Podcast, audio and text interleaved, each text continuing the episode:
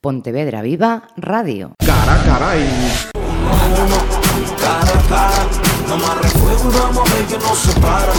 Hace unos días salió un anuncio eh, diciendo que iba a hacer un cara a cara de nuevo. cara a cara, frente a frente otra vez. Estos días nos ha sorprendido y gratamente la noticia que hemos publicado en Pontevedra Viva señalando que el SICAP, el Salón Internacional del Caballo, que se celebra en Sevilla, había resuelto su presencia eh, o su desarrollo con la elección de tres caballos de Ponte Caldelas. Y esos tres caballos están, atención, entre los diez mejores del mundo. Caballos que pertenecen a la hípica Amazonas. Así que hemos invitado a Loli Pereira Agra. Hola, buenas Benvida. tardes. ¿Qué tal? ata estes eh, micrófonos para charlar un ratiño neste cara a cara. Ela, eh, Loli, xunto ao seu home, César eh, Santos Vicente, eh, sodes os, os propietarios de Hípica Amazonas. Na, na Insua, ¿no? Concretamente, de Ponte Caldelas. Así é, estamos na Insua, na cartera que vai de Ponte Caldelas a Arcade. Uh -huh. eh, dende 2012, creo que decías, ¿no? Antes de comenzar esta... Eh, o que é Hípica Amazonas naceu no ano 2000. A ganadería uh -huh. Santos Pereira eh, que é a que nos dá nombre a min e máis a César, que levarnos os apellidos, naceu no 2012. Ajá, ben, Eh, estamos falando eh, de unha convocatoria pois eh, moi moi específica, no? O, o mundo eh, dos cabalos.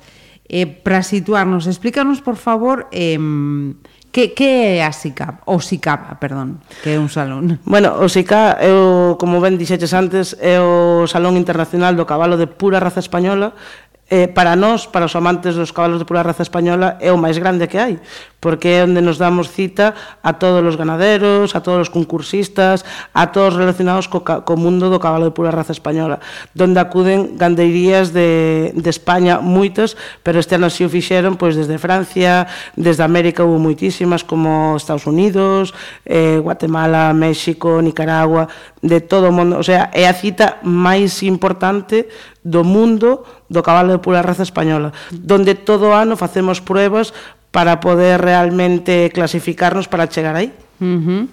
Eh, por lo tanto, eh, estaríamos eh, falando do, da máxima convocatoria cando estamos a falar de cabalos de pura sangre española. Así ah, é, sí. falando de pura raza española é o máis o máis nivel que hai. Pois hai un montón de apartados, nos, neste caso no que acudimos é no apartado de concurso morfolóxico, que ven sendo mm, estampa beleza. Ajá. Despois hai doma vaquera, hai doma clásica, hai concurso de saltos, pero ben, todo falando sempre con cabalos de pura raza española. Uh -huh.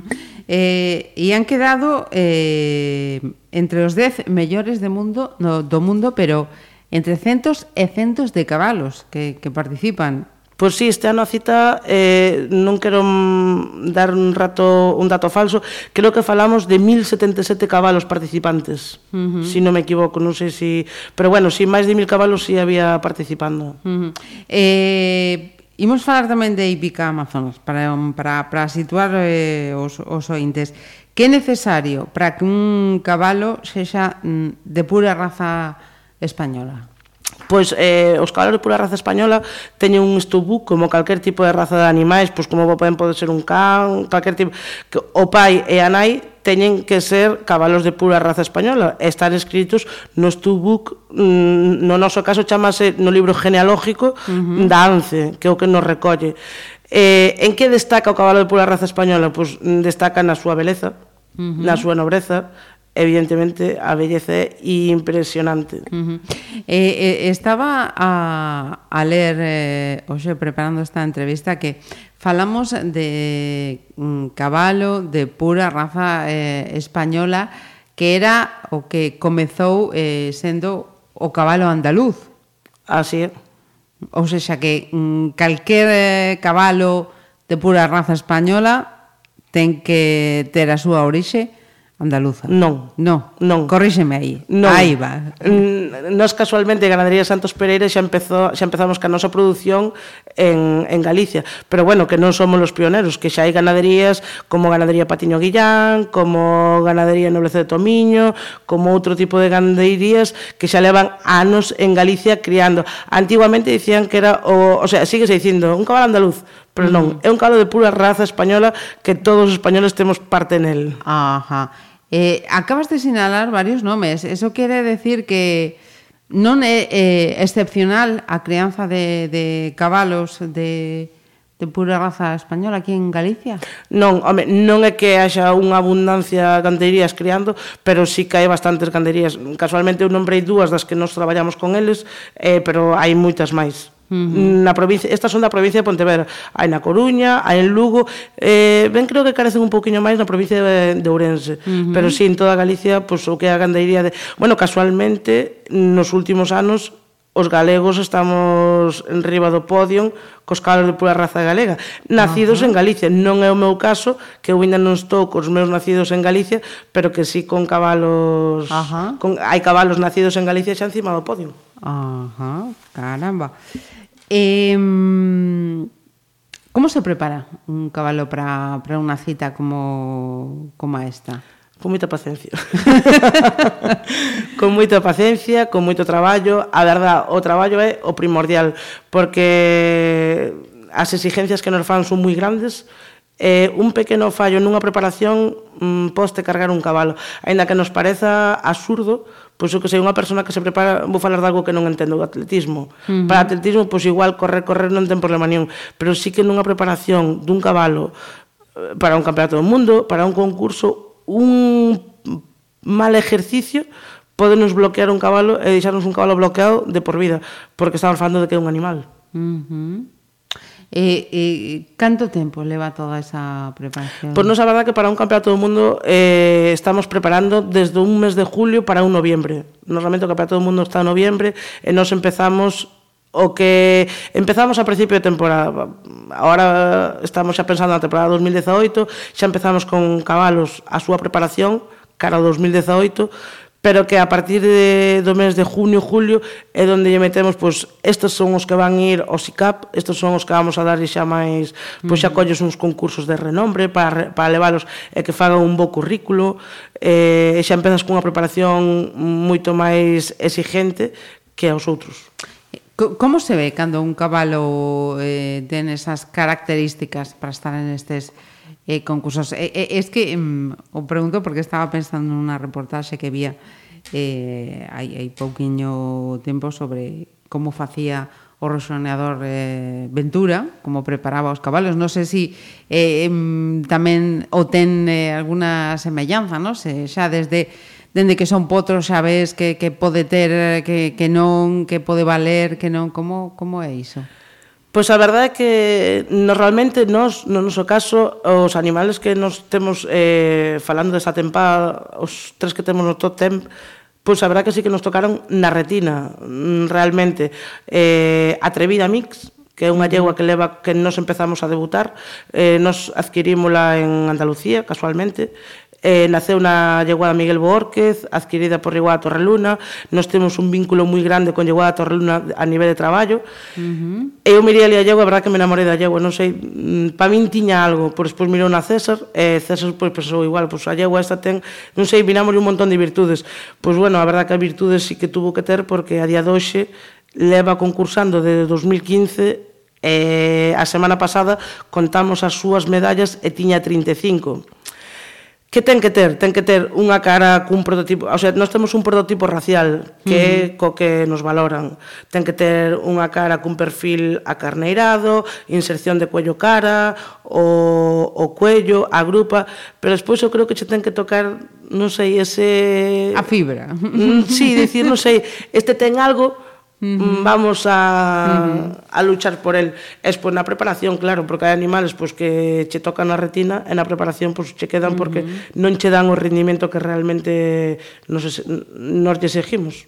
Porque nesta prueba eh, concreta do, do, do SICAP eh, ten que pasar eh, unas eh, máximas de morfoloxía, de movimento, de idade, como, como é? Pois sí, dependendo se é, dependendo da súa idade e dependendo do seu sexo. Mm. Porque están os potros de 2 e 3 anos, machos e femias, que teñen mm, unha valoración, despois están as euas que teñen outra valoración, e despois están os machos. O sea, en realidade a morfoloxía teñen todos a mesma valoración. Que pasa? Que a un, a un potro non lle exigen o mismo que a un cabalo máis adulto. Uh -huh. E despois están os sementales a partir de 4 anos que lles exigen unha prueba de funcionalidade. Ajá. Esa prueba de funcionalidade? A prueba de funcionalidade é cando salen montados. Ajá. Pois as, as yeguas, a verdad que realmente non nos exigen a prueba de funcionalidade, a prueba montada, entonces non os temos montados. Si nos exigen a prueba de movimientos uh -huh. e si nos exigen a de morfología. E, estiveches, además, eh, con, con cabalos de outras ganaderías. Sí, así é. Eh, aquí temos a Faraona de Bairón, que é unha ganadería a cal estamos traballando con ela. Empezamos no mes de agosto. Eh, a verdad que nos sentíamos un pouco eh, moi apretados en tempo, porque a potra si sí, é unha potra moi boa, que Faraona de Byron, é unha potra moi guapa, e eh, realmente no Campeonato do Mundo gustalles ver cabalos mm, de pelaxe torda. Uh -huh. Faraona ten unha pelaxe negra. Todo o mundo nos dicía, que pena que non sea torda, pero que si é negra, uh -huh. que é unha, unha capa que realmente vale diñeiro, e encima cunha boa morfología, como pode ter un cabalo de pelaxe tordo, que é o que máis hai, tordos e castaños. Eh, tordo estamos a falar de como un tono ocre, eh, se non estou errada, corríxeme to, eh, a capa torda sería o pelo blanco co negro. Ah, vale. O sea, vale. que non sería pinto, no, ben, é tordo porque o fai como un gris, comírase como un gris. Ajá, uh -huh, sí. Que pode ser en tordo gris ou en tordo vinoso que leva os pelos castaños. Ah, a este referime. Aí okay, onde ibas vale, ti. Sí. O tono, ese sería o que nos denominamos o, o tordo vinoso. Ah. En este caso, faraona é unha yegua negra, pero ten unha morfología impresionante. E nos movimentos ten uns movimentos eh, destacando nos tres aires que ten. Os tres aires sería paso, trote e galope. O paso e o galope é extraordinario. O trote non é o mellor, pero é bo. Entonces, cos puntos que sacamos no paso e máis no galope, que son buenísimos, pois é onde temos a ela para situar aí. Eh, po ano que ven ibase a retirarse das pistas, a ilusión dos oh. seus donos era concursar 2017, uh -huh. pero bueno, tuvemos a noticia de que Faraona sigue nas nosas instalacións pa tempada 2018. Uh -huh, alégrome. Mira, eh, decías antes, eh, isto eh, require moito tempo e supoño que tamén moita inversión. Moita inversión, sí. Uh -huh. sí. Un animal normalmente para para dar a cara dicimos para estar, claro, nos falamos do top 10, pero que eso é o nova máis. O sea, estar metidos nos 15, 20 primeiros de SICA, eso é un orgullo. Nos temos que pensar que temos que empezar xa a baixar un pouquiño, porque realmente levamos desde 2013 metidos... 2013 non foi o mellor ano, o mellor posto que tuvemos foi un décimo terceiro, uh -huh. que viñamos super encantados, e a raíz aí xa arrancamos sempre cos dez primeiros, cos dez primeiros. Temos que empezar a pensar que en algún momento nos vai tocar deixar esas, esas posicións a, a outros, a verdade sea dita, pero que estar nun 14, nun 15, pues, nun 20 son moitos cabalos. Uh -huh. E unha inversión dun animal desos, pois, non sei, pode andar nuns duns 20 ou 50.000 euros vos. Ajá. Eh, e se alguén quere comprar un cabalo deses, eh, tamén ten que ser un capricho moi caro. Pois sí, é un capricho caro. Aparte, o capricho, eu creo que o problema xa non é a inversión que podes facer. Uh -huh. Porque ti podes facer unha inversión nun potro que o ganadero non o mira ou cree que non vai salir, é a verdade que pues, pásanos cos nosos fillos, non? Que poden nacer moi guapos ou moi feos, e co cambio dos anos van cambiando. Pues, uh -huh. Co tema dos animales é igual, e podes comprar un potro de 3, 4 mil euros e pode echar unha sorpresa. O problema é o mantemento. Uh -huh. Manter un animal todos os días pois, é o que costa un diñeiro. Ajá. Mira, eh, para acudir ao CICAP tamén é necesario ter eh, vos xinetes? Sí, claro. Unha boa man axúdache moito, está mm. claro. E no voso caso, ti, o teu home, o te, os teus fillos, eh, hai máis persoal? Eh, bueno, os meus fillos de momento isto sería unha explotación de menores.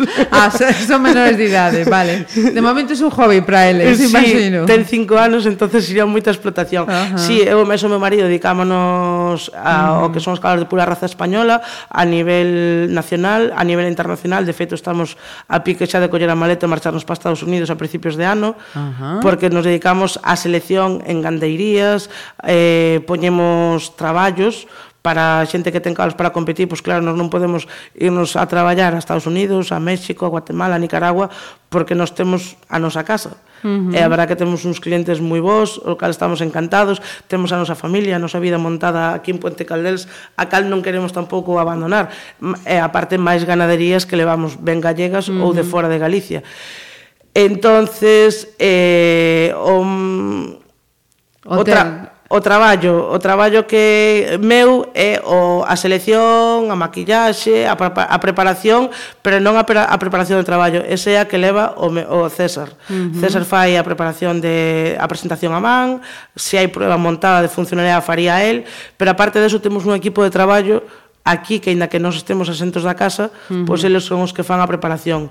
Eh, contamos ahora mismo fijos de empresa con con Sole, Sole Freaza, con Paco e con Álvaro. Uh -huh. E despois puntualmente pois eh agora acaban de de deixarnos dos chavales que estiveron con nós, eh en breves volverán, volverán a vir outros, pero uh -huh. sempre estamos normalmente sempre estamos traballando a parte da recepción que estaría a miña nai. Sempre estamos de 5 a 10 personas uh -huh. mensuales. Porque eh a máis de pois pues, iso de preparar eh cabalos para para competicións como esta, eh facedes eh pois eh clases, eh, un día que alguén quera montar a cabalo, nenos, adultos, de, de aprender, eh, de, a infinidade de, de, actividades, non só é a cría de cabalos para, para concursos como... Así é, a nosa empresa Ipica Amazonas, eh, aparte de dentro estar Ganadería Santos Pereira, eh, nos dedicámonos un pouco que a, as clases, as rutas a cabalo, clases de iniciación, clases de perfeccionamento, eh, facemos bodas con carruajes, facemos cumpleaños, bueno, todo o que se che poida pasar pola mente con cabalos, eh, non dubides en chamarnos. Uh -huh. E se hai algunha cousa, algunha novedade, pois pues, encantados de uh -huh. cando hai películas, pois pues, eh, traballamos para varias produtoras con cabalos para rodaxes. Eh, ah, sí. Eh, César está xa rodando en algúns casos doblando actores e actoras. Va, mira, aí temos outra entrevista moi interesante. Sí, señor. Eh, é moi complicado isto de montar a cabalo? No. Loli? No. No. no. Eh, home, a ver, é moi complicado ti queres eh, ir a competir ou queres disfrutar? Disfrutar. Vale, pois para disfrutar vaste comigo, e levo te montate encima un cabalo e vas a disfrutar. E ahora me dicir, nunca montei a cabalo, non pasa nada. Nós temos unha selección duns 15 ou 20 cabalos que son eh, cabalos de autoescola. Uh -huh. Ti montas encima, eles van detrás un dos outros e non tes problema de ningún tipo. Home, pois si, sí, leva la renda ras mans, explicámosche como xirar a izquierda, como xirar a dereita, como parar, como darlle para que ande, pero non ter ningún problema. Cando chega ali a xente di, ai, é que tan grande, non pasa nada. Ou, ah, que se move, claro, mover vais a mover, uh -huh. senón non podes disfrutar do paseo. Ajá. Uh -huh pero non, non ten ningún... A verdad que temos un índice de caídas espectacular, O sea, pasan os anos sin que nos caia unha persona, eso será algo bo. Ajá. Eso será algo... Que ninguén se asuste, eso quere decir que ninguén cae, ninguén cae. Sí, que a xente vale. pensa, no, é que montar a cabalo, bueno, eh, o meu fillo ten 5 anos, eh, monta a cabalo perfectamente, paso trote galope, xa fai rutas comigo de 20 km. Que envexa. Ai. Si un neno de 5 anos o pode facer, uh -huh. mellor unha persona maior que atendemos e facemos moito máis caso, quizás ca un neno pequeno. Uh -huh. Mira, eh, teño leído eh, que os cabalos son animales eh, moi... Eh, terapéuticos e de feito eh, na vosa páxina eh, Lin, que, que facedes tamén equinoterapia. Sí, facemos equinoterapia e máis o Camiño de Santiago son un pouco como os nosos extras, porque nós tamén nos dedicamos a facer Camiño de Santiago. Casualmente facemos este ano no me, na, en Semana Santa, uh -huh. facemos un Camiño de Santiago con fundamos un pouco que son os nosos clientes dos cabalos de pura raza española, do estranxeiro, pois traémolos e lle damos que para eles é eh, a verdade é que non sabemos a riqueza que temos en Galicia. Uh -huh. Porque cando salimos por aí adiante a xente que ah, sodes gallegos, iso, Camiño de Santiago, bueno, que a xente ven en marcha alucinada co Camiño de Santiago, uh -huh. ca nosa comida, ca nosas igrexas, o sea, a catedral lles encanta pero que van a Puente Caldelos mm. e marchan enamorados do, mm. do río de Puente Caldelos, marchan de todo, de todo. O sea, sí, temos, sí. temos aquí unhas cousas sin explotar impresionantes. Mm -hmm. Co tema de quinoterapia, como ti me estabas preguntando, eh, eu casualmente sou monitora de, quito, de quinoterapia. Ajá.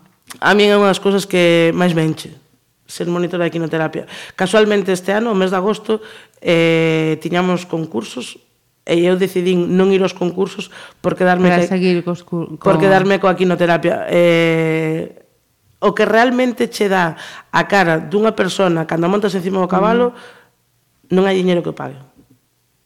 Uh -huh. Esas caras de felicidade, esos despois tes momentos complicados, porque a veces fanche preguntas complicadas. Uh -huh. Eh, nós casualmente traballando cunha persoa cega, uh -huh. cando me preguntou como era o, cabal, o color castaño, pois me puxo os vellos de punta. Uh -huh. Por como lle explico cal é o color castaño. Pero tamén a súa cara de felicidade cando toca un cabalo, quero lle tocar as orellas, e quero lle tocar o rabo, e quero lle tocar a boca, e quero lle tocar uh -huh. os dentes, os ollos, todo, as patas, os dedos, non, non ten dedos, pero ten os cascos, as pezuñas, sí. non sei. A cara de felicidade, ver como esa persona pode tocar todo eso, non hai palabras, non hai palabras, nin hai diñeiro no mundo para agradecelo. A verdade que eu fago un chamamento a toda a xente que teña persoas con, con algún problema destos, uh -huh. que realmente debe acercalos, pois eh, creo que falan que cos cans, que tamén se fan terapias moi boas, uh -huh. descoñezos, non podo falalas. A dos cabalos sí que podo decir que son impresionantes. Uh -huh. Eu, de feito, me teño desplazado a colexios con cabalos para que os rapaces poidan... Uh -huh. eh, con calquer tipo de, de discapacidade. Con calquer tipo de discapacidade. Uh -huh. Nos tuvemos nun colexio en Porriño que eran con discapacidades, pero uh -huh.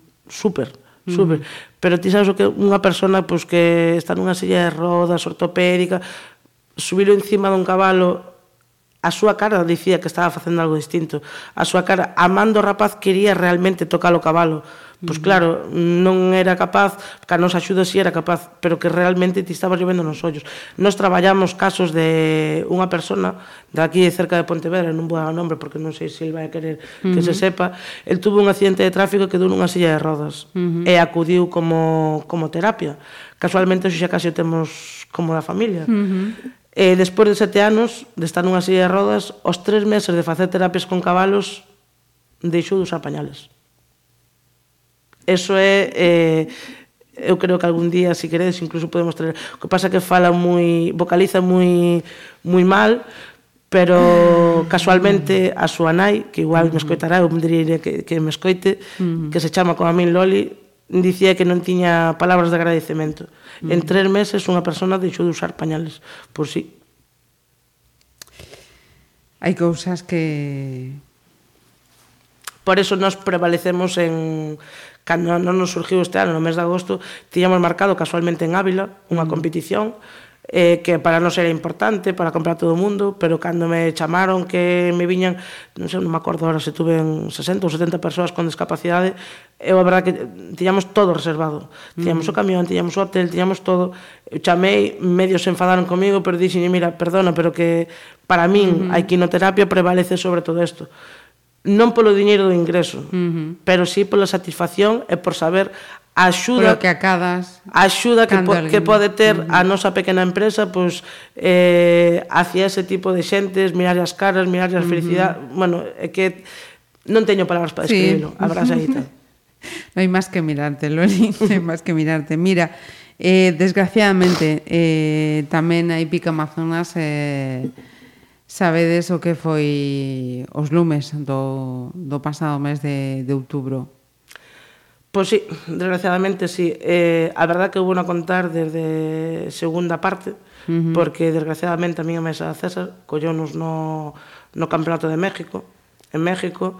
Ao final non estuvemos casi nin no campeonato, nin aquí, nin en un lado, porque nos... Sí, estabas eh, ali, pero co pensamento... Dounos un pau moi forte, a verdade sea dita, Eh, desgraciadamente os daños foron bastante importantes.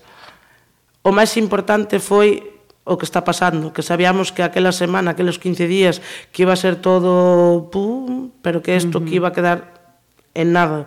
E así foi, o sea, nos seguimos luchando, uh -huh. non contra as lapas, porque as lapas apagáronse, pero contra os daños que as deixaron as lapas. Nos quedamos sin ningún prado, A nos queimaron todos os prados. Eh, meus pais foi os que se encontraron solos aí, cos empleados da hípica, con algúns clientes e amigos que botaron unha man nun momento de desgracia, cando estaban soltando todas as yeguas porque se nos cheron todas as instalacións de fume. Uh -huh. Tres yeguas escaparon correndo e atravesaron todas as lapas aínda hoxe siguen recuperándose. Uh -huh. A verdade que gracias a Dios pensábamos que, claro, a mí miña nai chamaba, me dicía, ao principio non me quería dicir nada, pero despois Sí, que igual habría que sacrificalas. Eh, uh -huh. eso era o último que queríamos, o sea, para nós van a ser eh, ángeles do lume, aínda uh -huh. que non se poidan montar. Desgraciadamente, unha delas é a, de, a do meu fillo de Víctor, -huh. dun espectáculo que temos con 12 cabalos, por dúas eran do espectáculo e unha era a que montaba Víctor. Eh, claro, estaba preocupado ao principio, pero despois solo me chamaba e me dicía, mamá, vente urgentemente e tráete la maleta llena de medicamentos, yo non quero que se mueran mis yeguas. Uh -huh. Ayer, ayer casualmente, eh, pois mira o tempo que fai que foron os incendios, uh -huh. o meu fillo xeo con bastantes traumas, xa non son só os cabalos, porque realmente os cabalos outro día soltámolos e saíron para fora, en, sempre salían correndo de felicidade, uh -huh. elas non quixeron salir correndo, como que tiñan medo de que a última vez que saíran correndo, a salir... Era escapando. Do... Sí, teño que dicir que hubo un montón de solaridade, a brasaíta, uh -huh. eh, moitísima xente que quixo ir a axudar, non puderon pasar porque estaba todo cortado, recibimos medicación de Galicia e de fora de Galicia moitísima, moitísima axuda por todos uh -huh. os lados, que é o que nos mm, salvou porque a día de hoxe siguen mm, vivindo requirindo siguen, desa medicación. E con broncodilatadores, con, mm. o sea, as consecuencias claro. van a largo plazo. O único objetivo que temos, pois que se salven e que vivan felices. Eh, pois seguro que como haberá máis ocasións para seguir eh, falando de quinoterapia que me dejó a mí ese tema tocada. Eh, eh e desa esa parte de César, de, da doblaxe nas películas, xa me contarás eh, como, como van estes animais que seguro que, que sairán adelante. Eh, Eloli Pereira, moitísimas grazas eh, por compartir este tempo con nos aquí en Pontevedra Viva Radio. Eh, moitísima sorte a seguir acabando premios como, como este. Moitísimas gracias a vos por nos chamar e por nos entrevistar. Mira la cara a cara que es la segunda. Pontevedra Viva Radio. Ah.